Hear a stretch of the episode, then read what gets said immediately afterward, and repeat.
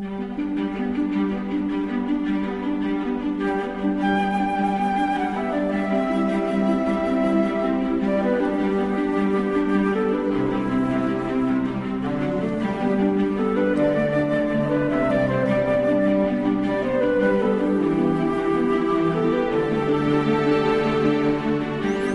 arribats a aquesta hora del matí, aquesta hora que sabeu que és entre intempestiva i plàcida, intempestiva per tots aquells que tot just estan començant a tornar cap a casa després d'una tarda, vespre, nit que s'ha allargat excessivament, o potser no excessivament, i plàcida per aquells que us lleveu ja a aquesta hora del matí, després d'un canvi de temps considerable en les últimes hores i dies, en què ja la flaçada ja comença a fer una miqueta més de servei i, i vaja, i quedar-se uns minutets més al llit és encara més gustós que d'habitual.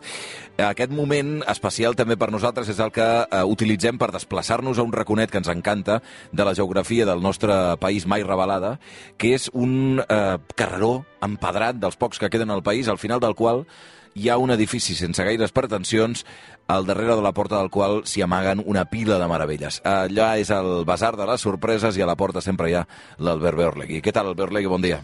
Bon dia, Bundó, com estàs? Com ha anat la setmana? Ja et veig Bé, més... bé. Et veig més per època, Què? o sigui, vestit ja... Sí. Aquesta fresqueta, aquest pas Soc de... un home tardorenc, jo, Xavi, soc un home tardorenc. ara. Soc un home de rigorós hivern, jo, eh? Vull dir que sí, a mi m'agraden allò que deien per tots sants, capes i mocadors grans, antes, eh, anys enrere. Uh, sí, a mi m'agrada aquesta dignitat que atorga, diguem-ne, les baixes temperatures. Mhm. Ja hem perdut, per entendre'ns, aquesta indecència vulgar i banal dels temps estiuencs, Del en què tothom va vestit amb el primer que I troba per casa. I, eh, sí, amb xancle... això, és xancletes. Algun Perdona, dia podríem has dit... parlar, fer això, un assaig de xancletes. Eh? Això de les capes i mocadors grans, capa n'has portat alguna vegada? No, no.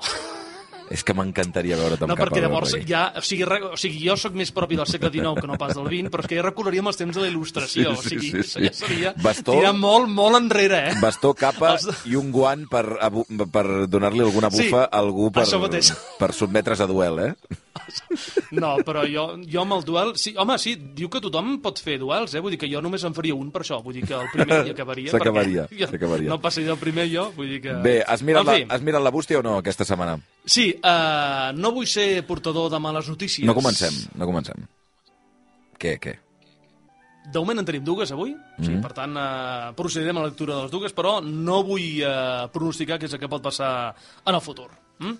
Va, la primera carta ens arriba des de Barcelona. Ens l'envia l'Alba Torregrossa, que és un oient que ja ens ha citat en diverses ocasions, bàsicament perquè, home, ja ens en recordem del seu nom, Alba Torregrossa, però també per la seva peculiar adreça, perquè viu al carrer 26 de gener de 1641, que és eh, una adreça que quan la vam rebre per primera vegada ens va cridar molt l'atenció, perquè té una cosa a veure, crec que va ser amb el corpus de sang, bé, Sí. alguna cosa d'aquestes. De dins extraiem una, un full, que és manuscrit, eh, és d'un full d'aquests quadriculats, d'aquells carpesanos, saps aquells carpesanos amb els Sí. forats, per entendre'ns eh, Arrencat, allà? eh? Ah, això mateix, arrencat, però arrencat bé, eh? Vull dir, sense les barbes. Saps aquelles barbes que deien, diguem-ne, Sí. que aquells, aquell, eh, aquells fils que, que penjaven, Sí, per perquè bueno, si no, a, si no arrencaves bé. l'arandela, diguem-ne, s'ha fet, ha fet forat i, Correcte. i ara que ha, les ha retallat, les barbes? O què ha fet? No, perquè, és que, no, perquè clar, això, això, Ah, eh, són de això micro- eren els nostres temps. Ah, però són ara... de micropunts. Ah, això mateix, que micropunts està... que es treu, diguem-ne... Microforats. Amb, això mateix, amb una mínima traça eh, es pot treure sense arrencar, per entendre'ns, Sí, sí, sí, ni sí, estripar sí, sí. el full. I per tant està molt ben presentat. Però sí, eh, en els meus temps, eh, bueno, suposo que en els temps de molts la- oients que ens estan escoltant, eh, de quan eren nens, clar, si volies arrencar un full del carpesano, quedaven aquella mena de barbes Sí. que llavors amb unes tisores Sí, sí. intentaves que la cosa quedés a nivell, però llavors et desviaves, llavors Ara. et menjaves una quadrícula, Ara, ara. plegat una mica matusser quedava tot, Tot plegat. tristíssim. Va, anem a llegir, anem a llegir la carta de l'Alba. Ens diu el següent, Barcelona, 18 de setembre del 2023. Estimats Xavier i Albert, espero que hagueu tingut un bon estiu. El nostre aquest any ha estat per Barcelona, amb els nens i disfrutant de les festes de Sants, de les platges de les Rodalies, eh, petits eh, viatges amb tren, sortides d'un dia a veure mar, rutes per Barcelona i museus, que com a refugi climàtic ens han anat molt bé. I també hem fet moltes escapades al Tibidabo, el lloc on creia que després de passar-hi 8 hores caminant a ple sol, pujant i baixant atraccions i corrent sense parar, els nens acabarien destrossats i amb ganes de dormir fins les 11 del dia següent.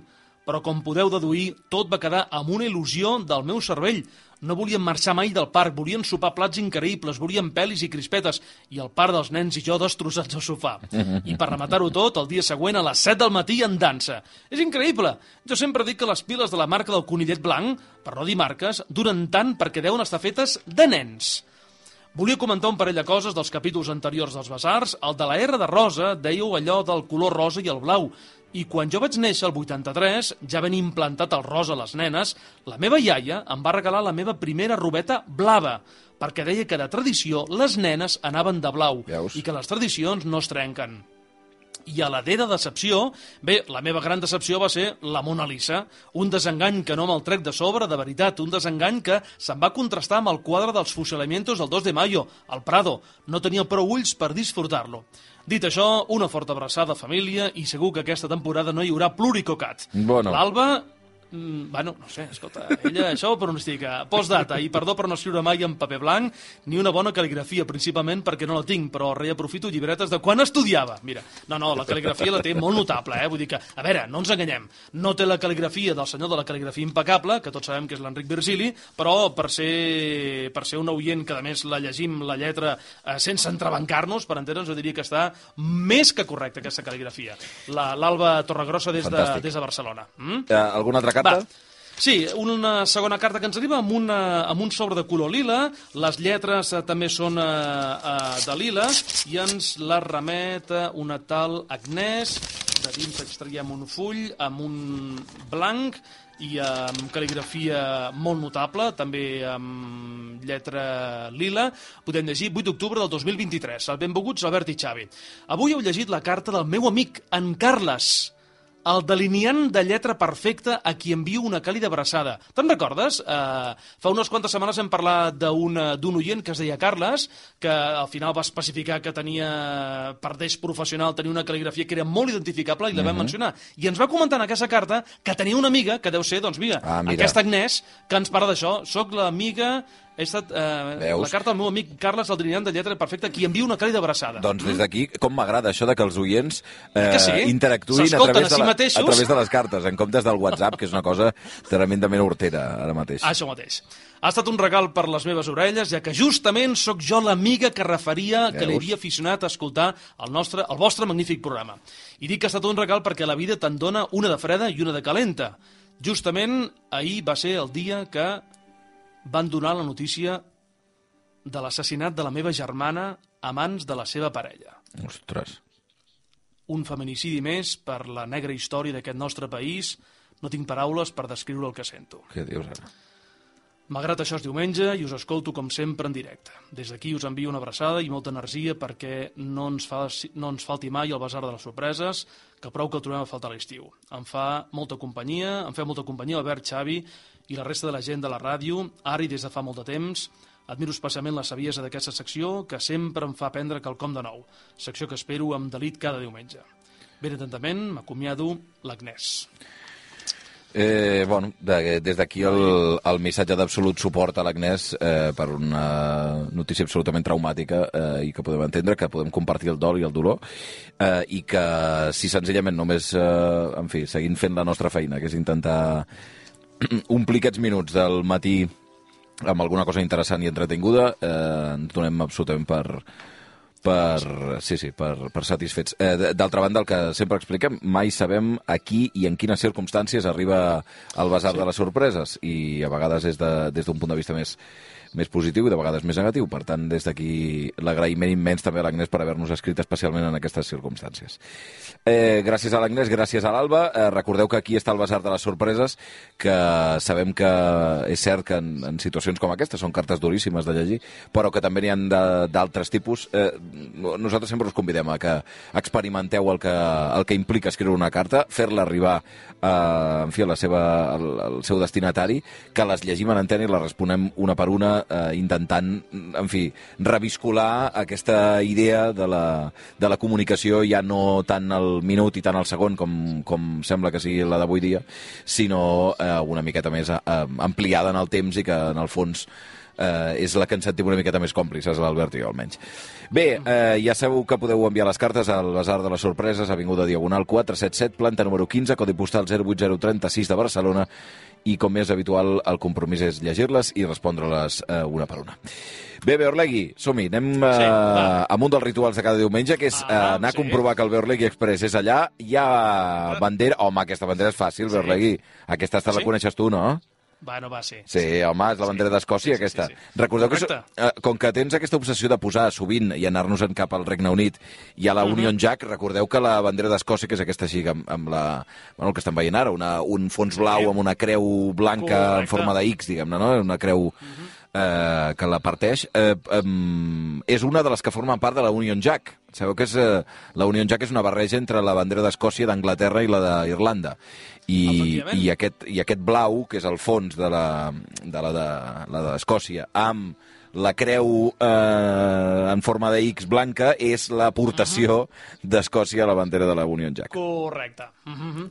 Caram, doncs molt bé, que després d'aquesta petita lliçó de vexil·logia... No. Doncs mira, sí, avui anem a la seva capital, anem a Edimburg. Un dels seus barris és eh, Morningside, que és un districte que es troba al sud de la ciutat, que té els seus orígens al segle XII i que durant molt de temps va ser un lloc de granges i de finques, fins que, evidentment, l'era moderna va convertir aquesta zona en un suburbi residencial. I anem allí perquè en una de les seves antigues cases victorianes, que encara estan dempeus, s'hi ha trobat una ampolla ben curiosa. Uh, mira, marxem cap allà, ara són, uh, doncs mira, tres quarts de... Allà són tres quarts de set, una hora menys, Déu-n'hi-do. per tant, deu fer fresqueta. Abric. Uh, agafa un abric perquè et noto una mica de veu, noto Sí, una sí, mica... estic una mica eh, que enganxat. sí? Sí, sí. Va, agafa un de gruixut, no passi com altres vegades, Vale, vale, perquè vale. Poso, avui no eh? plou, eh? M'han dit que avui no plou, eh? Vull dir que Està no... bé, està bé. Sí, uh, estàs a punt? Sí? Som-hi, som-hi, doncs apa, som-hi, som-hi. Cap a Escòcia. Em poso la caputxa o què? Uh, bueno, espera, home, A espera. veure.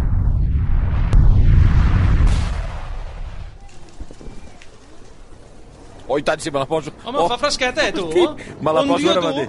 Sí, sí, sí, mira, ja està, ja estic. Quedo bé o les caputxes mai queden bé? No gaire, no? Bueno, és que les caputxes, jo trobo que les caputxes... és una cosa... Sort que és no que mai és- pogut. Amb les caputxes mai he pogut, eh? Com a molt el barret, evidentment, però les Sort, caputxes... sort que no és, aquella, no és d'aquelles peludes, eh? Perquè si no, aquelles saps que sobre Bueno, surt que una no. mena de burrissol. Allò, Sí, allò sí. és per processar-te directament, Sí, ja, sí. eh? Vull dir que... Bé, on som? Va, Que mira, ja- eh, ens anem... Mira, sí, eh, la que ens interessa és aquesta casa d'aquí, la de la dreta. Veus aquesta casa d'aquí? Sí, digue'm. Uh, aquesta casa, home, fred, no ens enganyeu, és una mica trotinada, aquesta casa. Sí, home, Eh, Déu-n'hi-do. Té més, però, de 150 anys, Ahà. eh? Però, a veure, jo diria que posant-hi un punt romàntic eh, té un cert aire senyorívol, eh? Un, un aire victorià, una mena de dignitat que el temps eh, només ha fet una mica que accentuar, eh? Mhm. Tot i que poder és una impressió només meva, eh? Um, a mi m'encanta eh, en aquests llocs eh, fer un exercici que és eh, el de pensar quantes persones hi han viscut en aquesta mateixa casa, no? Um, què ha estat de les seves vides, eh, quines feines van tenir, quins episodis de dolor, d'alegria, d'angoixa, de felicitat, um, com hi van viure... Bé, al capdavall, mm, de com els anys han anat passant i de com tots nosaltres no deixem de ser, doncs això, no?, actors més o menys secundaris d'aquest gran teatre que en el fons és, és la vida, no? Ara perquè tinguem referència, en aquesta casa, que he passat tantes generacions, Sí. ara hi viu un matrimoni jove amb Sí? dos fills de, de 8 i 10 anys. Ah, mira, o sigui, està ben ocupada amb crits i corredisses i tot això. Però m'has Ah, dit- això mateix, sí. Dit que hi havia una ampolla curiosa dins o alguna Sí, cosa així? sí, sí, sí, perquè en aquesta casa fa uns mesos es va espatllar la calefacció, clar, imagina't una calefacció que pots comptar, Hosti, com sí, devia sí. la primera calefacció devia ser una brasa o una llar Sí, de foc, sí, no sé sí, com sí. devia ser, no? Eh, Total, que van cridar un lampista per solucionar el problema i van haver d'obrir el terra per moure el radiador de lloc. I al fer-ho van trobar una ampolla amb un missatge dins. Eh, hosti, boníssim. De seguida va cridar la propietari, aquest lampista va cridar la propietari, que va tenir el detall, això sí, eh, goita, aquelles coses que tenen les mares, eh?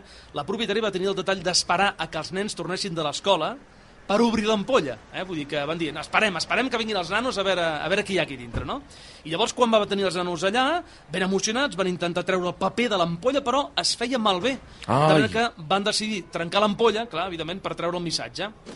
I a dins, quan van trencar l'ampolla, dins hi havia un paper, encara bastant ben conservat, on amb llapis hi havia una nota on s'hi podia llegir. Ai, ai.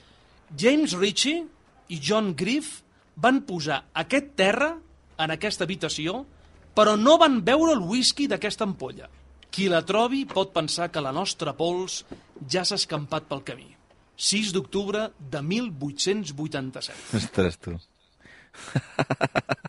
Boníssim, eh? M'encanta. Això, eh? Una Sí o no? nota del 1887 que diu Sí. nosaltres no ens ho hem begut, això. És a dir, que consti, que consti que No hem nosaltres ens sigut. beurem aquesta ampolla, eh? Però goita, goita aquest, aquest, aquest alè, diguem-ne, tan, tan, uh, tan transcendent, eh? Qui la trobi, és a dir, aquesta nota, pot pensar que la nostra pols ja s'ha escampat pel camí. Que bo, Fixa't eh? que l'única referència que deu haver-hi a nivell mundial de James Ritchie i de John Griff és aquesta nota amb un paper escrit a l'any 1887. I a més a més qui deuen ser, no? Aquests James Ritchie Ah, i John mateix. Griff. Qui i van quina, ser aquesta gent, I quina no? família tenien i si els hi Clar. faria il·lusió saber que hem, hem trobat aquesta, Correcte. aquest missatge, no? De, que té 150 anys. És a dir, 150 anys, sí, O sigui, sí, sí. imagina't, no? O sigui, trobar-te una ampolla amb un missatge a l'interior així de banal o així de profund, depèn de com tu llegeixis, amb 150 anys de vida que ningú més ha tornat a veure. Per al que sabem, la família ha decidit emmarcar la nota i posar una altra ampolla amb una nova nota perquè una generació futura pugui Ah. tenir també una altra sorpresa. Cosa bé, que també trobo un detall Està magnífic, gairebé emocionant i tot. Eh? Sí, sí, sí, sí. Bé, no sé tu, però jo he trobat que això, eh, diguem-ne, extraordinari, de manera que avui et proposo un nou basar de les sorpreses, el que avui farà el 324, que dedicarem a aquest objecte tan quotidià. Avui la lletra A, la A d'ampolla.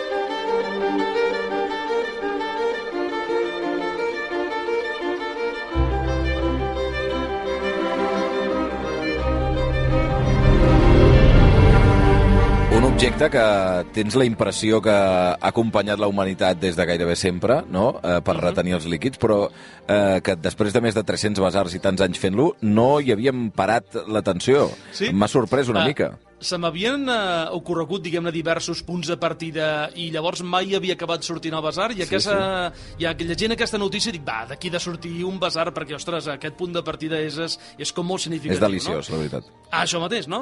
I eh, bé, què hem de dir? Doncs, home, el nom d'aquest envàs portàtil de vidre, de coll llarg i estret, destinat a contenir líquid, prové del llatí ampulla, que a la seva vegada procedeix d'un substantiu diminutiu de la paraula grega àmfora, mm. que no deixa de ser, doncs això, les ampolles de l'antiguitat, no? És a dir, quan no hi havia taps, per entendre'ns, bona. home, jo diria que les àmfores no són tan portàtils com les ampolles, no. eh? Perquè sempre tens la idea aquella de aquelles àmfores trobades al mar, carregades, diguem-ne, de crustacis, diguem-ne, per sobre, de fang, eh? I que, són, que pe- pesen molt, no? Ostres, és veritat, que estem- eh? Però Eh és, que sí, és sí o no, maco que eh? sigui l'ampolla abans la letra, no? Una mica la- Sí, sí, l'àmfora. sí, sí. És veritat. Sí, sí. I és que, encara que estem parlant d'un mateix concepte, aquest ha patit, evidentment, molts canvis i moltes transformacions. Les primeres ampolles les ubicaríem en algun moment de quan? Clar, jo diria que, que és més un, un concepte, diguem-ne, de, de, Clar. envàs, sigui quin sigui que conté un líquid, no? Jo diria que les primeres ampolles, home, doncs havien set les carbasses buides, aquelles típiques carbasses de, de peregrí que Ah, bona, tots, bona. que sí, jo, a, a, les pel·lícules o fins i tot els còmics estèrics, no? Sí, sí, I a sí, l'antic sí. Egipte, fa 3.500 anys, O fins i tot, perdona, fang. ara m'has fet recordar aquelles carbasses que portaven eh, en els còmics antics per, per nedar, per flotar, no? Tu Ah, recordes el, el, el zipizape? El carpanta. el, El o el carpanta, carpanta, el que es posaven, es posaven carbasses al, efectivament, al, al cinturó, per dir-ho així, Sí, perquè s'entenia sí, sí, que sí, estaven sí. buit i allò flotava, no? Ostres, mira, No, no, m'ha vingut que al cap és- la carbassa buida, eh? Uh, llavors què passa? Doncs que materials semblants al vidre, els vols al segle XV abans de Crist, van substituir el fang fins que al segle I abans de la nostra era apareix el vidre amb la tècnica del, del bufat que, que molts hem vist, uns a la televisió i d'altres com es fa al poble espanyol d'aquí de Barcelona, no? Però durant segles el vidre serà un objecte luxós i no serà fins al segle XVII que l'ús de l'ampolla es generalitzarà, arribant als nostres dies amb totes les infinites varietats que coneixem, entre elles, evidentment, el plàstic que ara intentem combatre, que apareix, doncs mira, tot just fa més de, 100, de, de 50 anys, l'any 1969. El vidre és un material ideal per guardar líquids, però també és relativament fràgil. Hi ha ampolles, però, que acaben sobrevivint a tot, com la que està considerada l'ampolla més antiga del món, l'Speyer.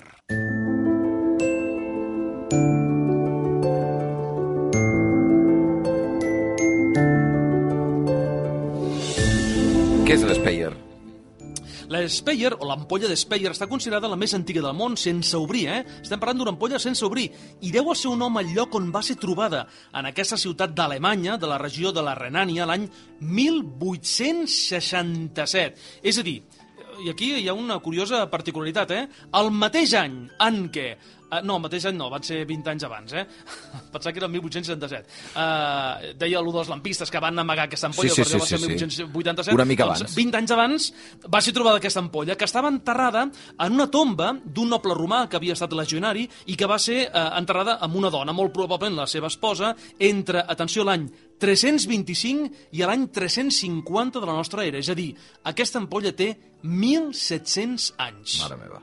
I de les sis ampolles que es van trobar, només una contenia líquid, probablement vi, encara que no ho sembla perquè, clar, és una ampolla sense obrir, i el que es veu a través del vidre és com una mena de massa greixosa de diverses tonalitats, Clar. Fosques i clares que, home, així d'entrada, no és que presenti no? un aspecte massa saludable, eh? Vull dir que... Però s'ha conservat d'alguna manera el que hi ha a l'interior d'aquesta ampolla, no s'ha evaporat. Efectivament, uh, uh, s'ha conservat perquè es va tancar i es va posar un tap de cera ben calent per evitar que el vi es fes malbé. I encara que els experts apunten que molt segurament, doncs, malgrat el seu aspecte, el vi sigui encara, mm, diguem-ne, bevible, no s'atreveixen a obrir l'ampolla perquè no saben la reacció que tindria el líquid Clar. al ser exposat amb l'aire. Perquè pot ser que això foti un pet com una glan, No, enganyem, eh? o bueno, es faci Eh, malbé molt més ràpidament que el que ja Ah, ha estat aguantant. No? L'ampolla, per, per qui està interessat, està, es conserva en un museu, no? Aquest cas és realment excepcional, perquè tot i que el vidre és un material ideal per guardar líquids, és també, recordem-ho, relativament fràgil. Però hi ha ampolles que acaben sobrevivint a tot i no deixen de ser, doncs, home, si ho pensem, la millor càpsula del temps inventada. Coneguem tres històries de missatges trobats en ampolles.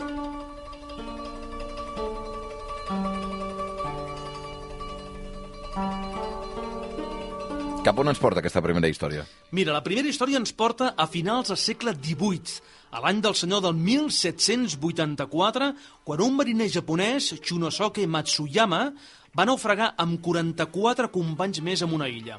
Abans de morir de fam, el jove va deixar escrita la seva història en una ampolla que va llançar a la immensitat de l'oceà i 151 anys més tard, el 1935, resistint tempestes, a mars agitades, peixos encuriosits i el temps, que recordem tot ho crea i tot ho destrueix, el missatge d'aquesta ampolla va arribar al mateix poblet on havia nascut Chunosuke feia prop de 200 anys. Uau, quina història més Què et bona. sembla, això? Brutal, brutal, brutal.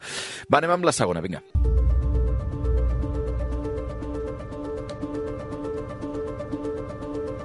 Quina és la segona història d'aquests missatges a, història- a l'ampolla? Eh, no, no té un aire, diguem-ne, tan, uh, tan uh, fatídic, uh, és més científic, eh? és una, un missatge trobat en una ampolla que va ser el 2018, quan va ser trobat, tenia 132 anys aquest missatge, datava del 1886.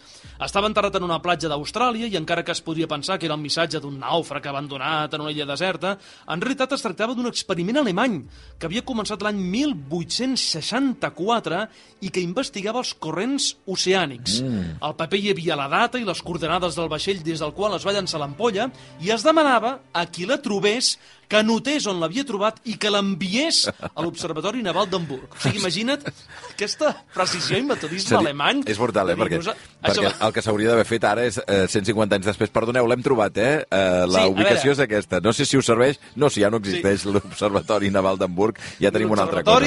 Ni el científic, Ni ni la- però ¿dónde está mi dinero? Yo quiero mi recompensa, no? Vull dir que... Exacte, exacte. Va, anem amb la tercera de les històries.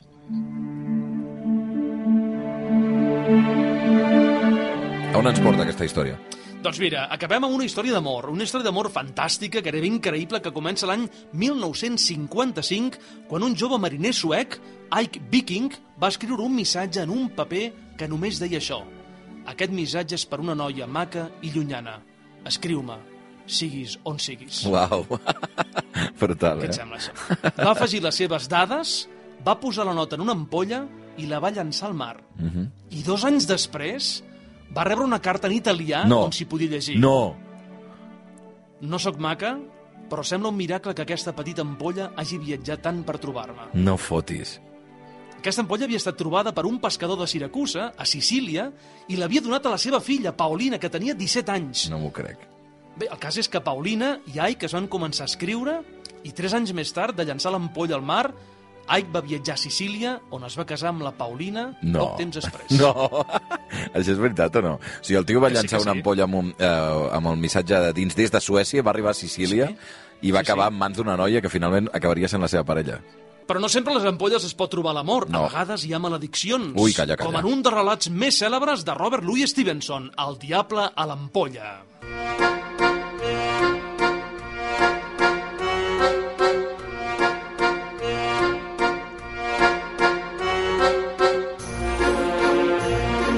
És de pirates o és de terror? Què és això?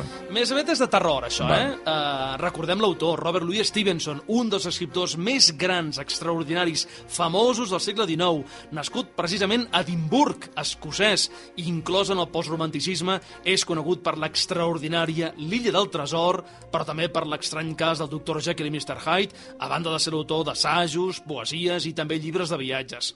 El 1891 va publicar un conte anomenat El diable a l'ampolla, on s'explica la història d'un noi que compra una misteriosa ampolla que conté un dimoni i que pot concedir tots els desitjos que un vulgui, excepte allargar la vida i amb una condició. Aquella persona que tingui l'ampolla quan mori anirà a l'infern, a no ser que la vengui per un preu inferior. Tot i que incrèdul al principi, el xicot la comprarà, els desitjos es compliran i, evidentment, es volta a treure l'ampolla del damunt abans que sigui massa tard, de manera que aquesta ampolla anirà passant de mans fins que valgui tan poc que només es pugui regalar. És un conte Fantàstic. magnífic, eh? De Stevenson, eh? fantàstic. Va, i si quan pensem en literatura ens ve al cap el diable a l'ampolla, al pensar en pintura, és possible que ens vingui al cap un pintor que en va pintar moltes, en Juan Gris.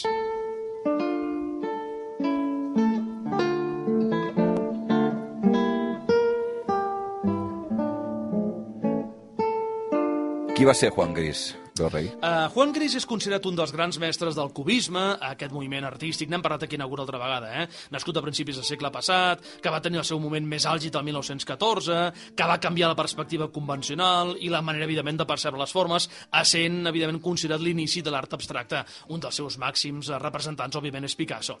Nascut a Madrid l'any 1887 i mort quan només tenia 40 anys, José Victoriano González Pérez, que era el nom original de Juan Gris, té unes quantes obres on hi surten ampolles. En Guitarra i Botella, del 1907, Botella i Fruiter, del 1918, o la Botella de Anís, de l'any 14, on hi apareix la famosa ampolla de l'anís del mono, amb els noms de les ciutats que estaven lligades al moviment cubista. Madrid, d'on era Gris, París, evidentment el Bressol per entendre'ns aquest moviment, i Badalona, que per la seva proximitat amb Barcelona s'associava, evidentment, a Picasso. L'obra, per qui estigui interessada, està al Museu eh, Reina Sofia de, de Madrid. Doncs, eh, home, estaria molt bé anar-lo a visitar. Bé, com que suposo que vols acabar amb cinema, home, hi ha moltes pel·lícules on apareixen Sí, ampolles sí, que tenen sí, sí, rellevància sí, sí. dins l'argument, no sé quin has triat al final.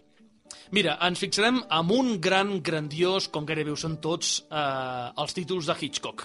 Encadenados. Señor Devlin. Buenas noches. Encantado de verle. Su esposa ha sido muy amable invitándome. Le hemos invitado los dos, señor Devlin. Procure que nuestro invitado se divierta y se sienta a gusto. Perdón. Señor Story, encantado de verla. Esto no va a ser fácil. ¿Por qué? Está muy enamorado de ti. No nos quitará ojo en toda la noche. Sí, siente celos de todo el que... ¿De dónde le quitaste la llave del llavero? Sí.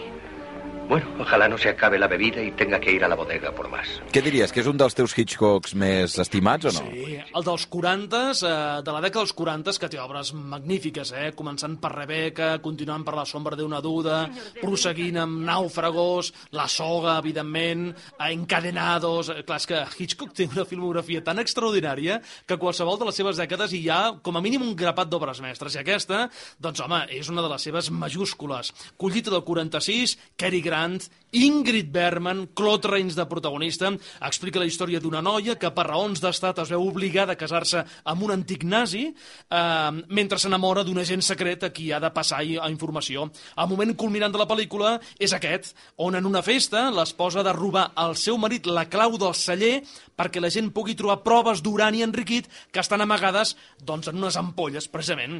Per qui estigui interessat, la pel·lícula es pot trobar actualment a Movistar i a Contraplus. I és aquelles pel·lícules que, revisades, cada revisió, evidentment, guanya, guanya infinitament. Escolta, bé, Orlegui, a banda de demanar a la gent que ens enviï cartes, eh, que això ho poden continuar fent, que en el fons no deixen de ser un missatge a l'ampolla, també, en certa manera, perquè surten i d'un lloc i arriben a un altre, efectivament. i eh, mai sabem d'on es llegeixen i com es llegeixen, no? Però eh, potser sí que ens hauríem de plantejar com a fet Què? del Basar de les Sorpreses un dia tu i jo llançar un missatge en una ampolla.